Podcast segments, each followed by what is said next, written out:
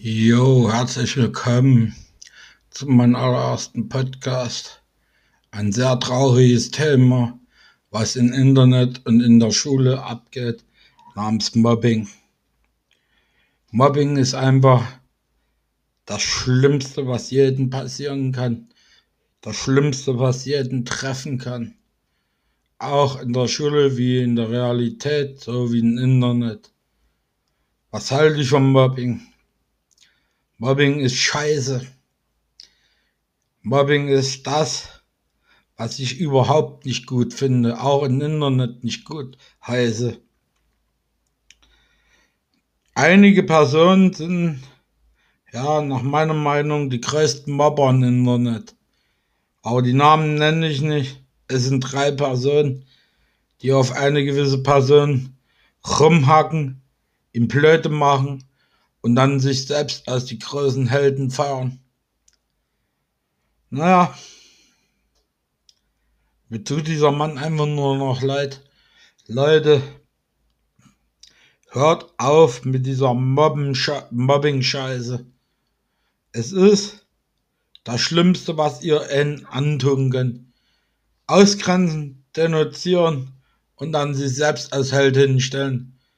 Und auf den kleinen Mann rumhaken, der ein bisschen besser durchgestartet hat in YouTube als alle anderen. Mobbing ist unbegreifbar. Warum Mobbing? Warum muss man anderen Internet so fertig machen? Macht es euch Spaß, diesen Mann, der noch am Boden liegt, darauf einzutreten und sich hier als die großen Helden zu fahren? Gewisse Personen, die auf Trovo streamen und da noch drüber lachen und sagen zu müssen oder die Leute noch aufhetzen zu müssen, dass man denjenigen mobben tut, finde ich ekelhaft und richtig falsch. Warum falsch? Weil das einfach nur räudig ist. Warum räudig? Weil das einfach nicht in, ins Internet wie ein wahres Leben reinpasst. Selbst auf Arbeit gibt's Mobbing. Mobbing wegen Arbeitsplatz, Mobbing wegen mehr Geld und so weiter und so fort. Ich wurde jahrelang auch gemobbt. In der Schule, wie auf Arbeit, wie, wie im Internet. Aber wie gesagt, es fing an in, im Kindergarten mit der scheiß Mobberei, denn sie mich ausgegrenzt haben, mich beschimpft und beleidigt haben und ich gegen Mobber bin und für die Mobbing-Opfer einstehe. Ich halte meinen Kopf lieber hin. Aber wie gesagt, Mobbing ist so ein Drecksthema, sage ich mal. So ein krankes Thema. Es gibt Leute, die ich am liebsten auch mal meine Meinung in die Fresse schießen will. Auch mal sagen muss, es gibt viel Besseres, also dieses scheiß Drecksmobbing. Mobbing ist das Schlimmste, was man jemals einen antun kann. In der Schule, im Kindergarten oder auf Arbeit. Wie gesagt, es ist wirklich ein Thema, was man an sprechen sollte. Und unsere liebe Kanzlerin könnte sich mal ein paar aus Trovo rausangeln. Namen nenne ich keine, die den armen Mann aus Bayern belästigen. Belästigen, mobben und runtermachen. Ich beobachte die ganze Scheiße schon seit ein ganz, die ganze Jahre beobachte ich da schon. Ich, ver, ich verachte das, ähm, dass Leute andere Leute runterbuttern, die fertig machen oder drüber lachen, weil sie mal einen Versprecher in Videos haben. Oder wie gesagt, ähm, noch drauf eintreten, wenn einer am Boden liegt. Mobbing ist das Krankste, was auf jeden Fall erfunden wurde. Naja, da gibt's einen Mann auf Trovo, der lacht ihn aus und selbst ist er, wir mal, ein großer Kerl. Ich sag bloß, Mobbing ist strafbar. Mobbing zu Beginn ist strafbar. Mobbing bleibt strafbar.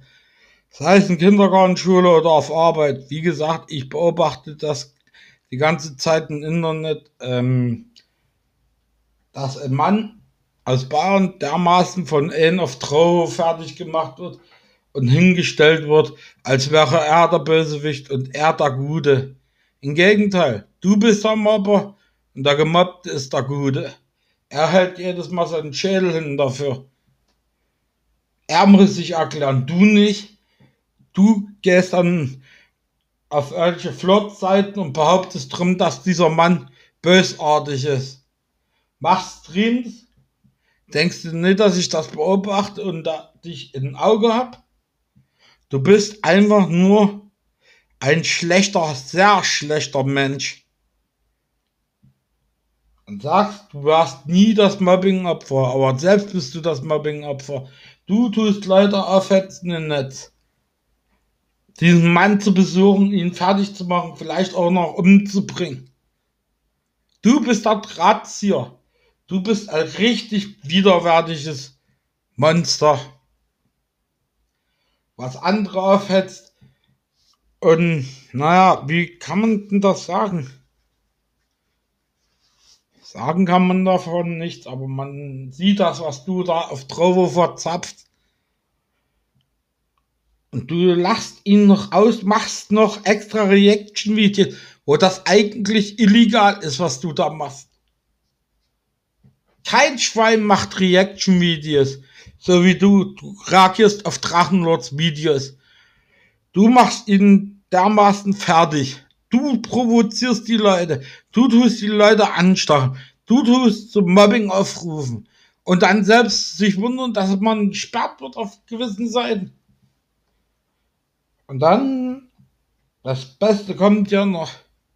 Und dann noch die Leute aufhetzen, denn mit Zeug bewerfen zu lassen. Wie gesagt, deine Lügen habe ich schon oft gedeckt. Du auf Trovo. Ich habe deine ganzen Videos gesehen oder Livestreams. Wie du dich über diesen Mann lustig machst und wie du ihn runter machst und denunzierst. Und dann stellst du dich hin, nein, das habe ich nie gesagt, nein. Das ist schon mal eine Lüge, eine sehr große Lüge. Du hättest Leute auf, mit zum gewissen Fest zu fahren, was 2018 passiert ist. Du sagst, du warst nie dort. Man hat deine ganzen Videos gesehen. Und ich habe extra noch eine Sicherung gemacht, falls, falls derjenige auf meinen Podcast reagiert, dass ich das zu Ihnen schicke. Wie gesagt, man macht keine Leute fertig. Auch nicht aus Spaß oder so. Wie gesagt, ähm, Du bist ein richtig großes Monster und bleibst auch ein richtig großes Monster. Vielleicht wirst du mal sehen, wenn man dich will, wie du dich da fühlst. Und es ist keine Lüge. Du machst Reaction-Videos, die einfach verboten sind, hier in ganz Deutschland verboten sind, zu machen. Du hattest ein Vertrag unterschrieben bei Trovo, dass du jegliche Art von Beleidigung, von Reaction-Videos, von, oh, wie heißt die Scheiße, Mobbing-Attacken auf andere Menschen zu sein zu lassen hast. Ich kann dir auch noch rechtliche Dinger vorlesen, die im Internet zu lassen sind.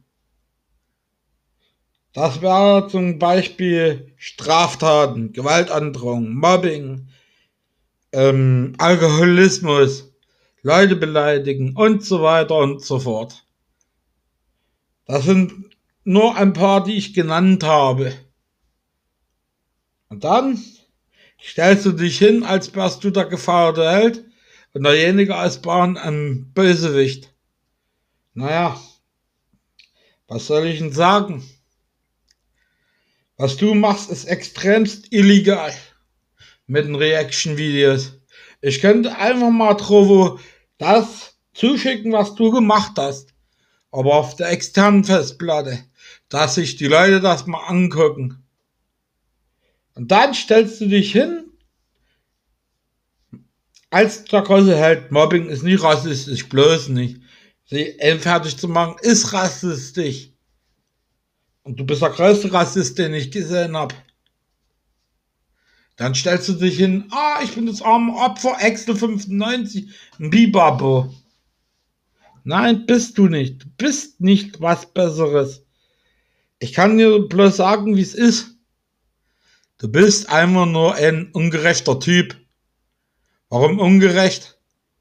Weil du Mobbing als die Hauptsache siehst, die man an einen Unschuldigen begehen kann. Du bist genauso ein Hater, Excel 95. Du bist der allergrößte Hater, den ich gesehen habe. Und dann sich hinstellen, oh, die machen bei mir Gewaltandrohung, Gewaltandrohung und andere Kriminalität. Da bist du selber schuld, Junge. Du behauptest rum, dass der Herr aus Bayern dich geärgert hätte, dich gemobbt hätte, dich runtergezogen hätte. Ich habe alle seine Videos durchleuchtet und nichts gefunden. Das, was du machst, ist nämlich Verleugnung. Verleugnung ist nämlich auch strafbar.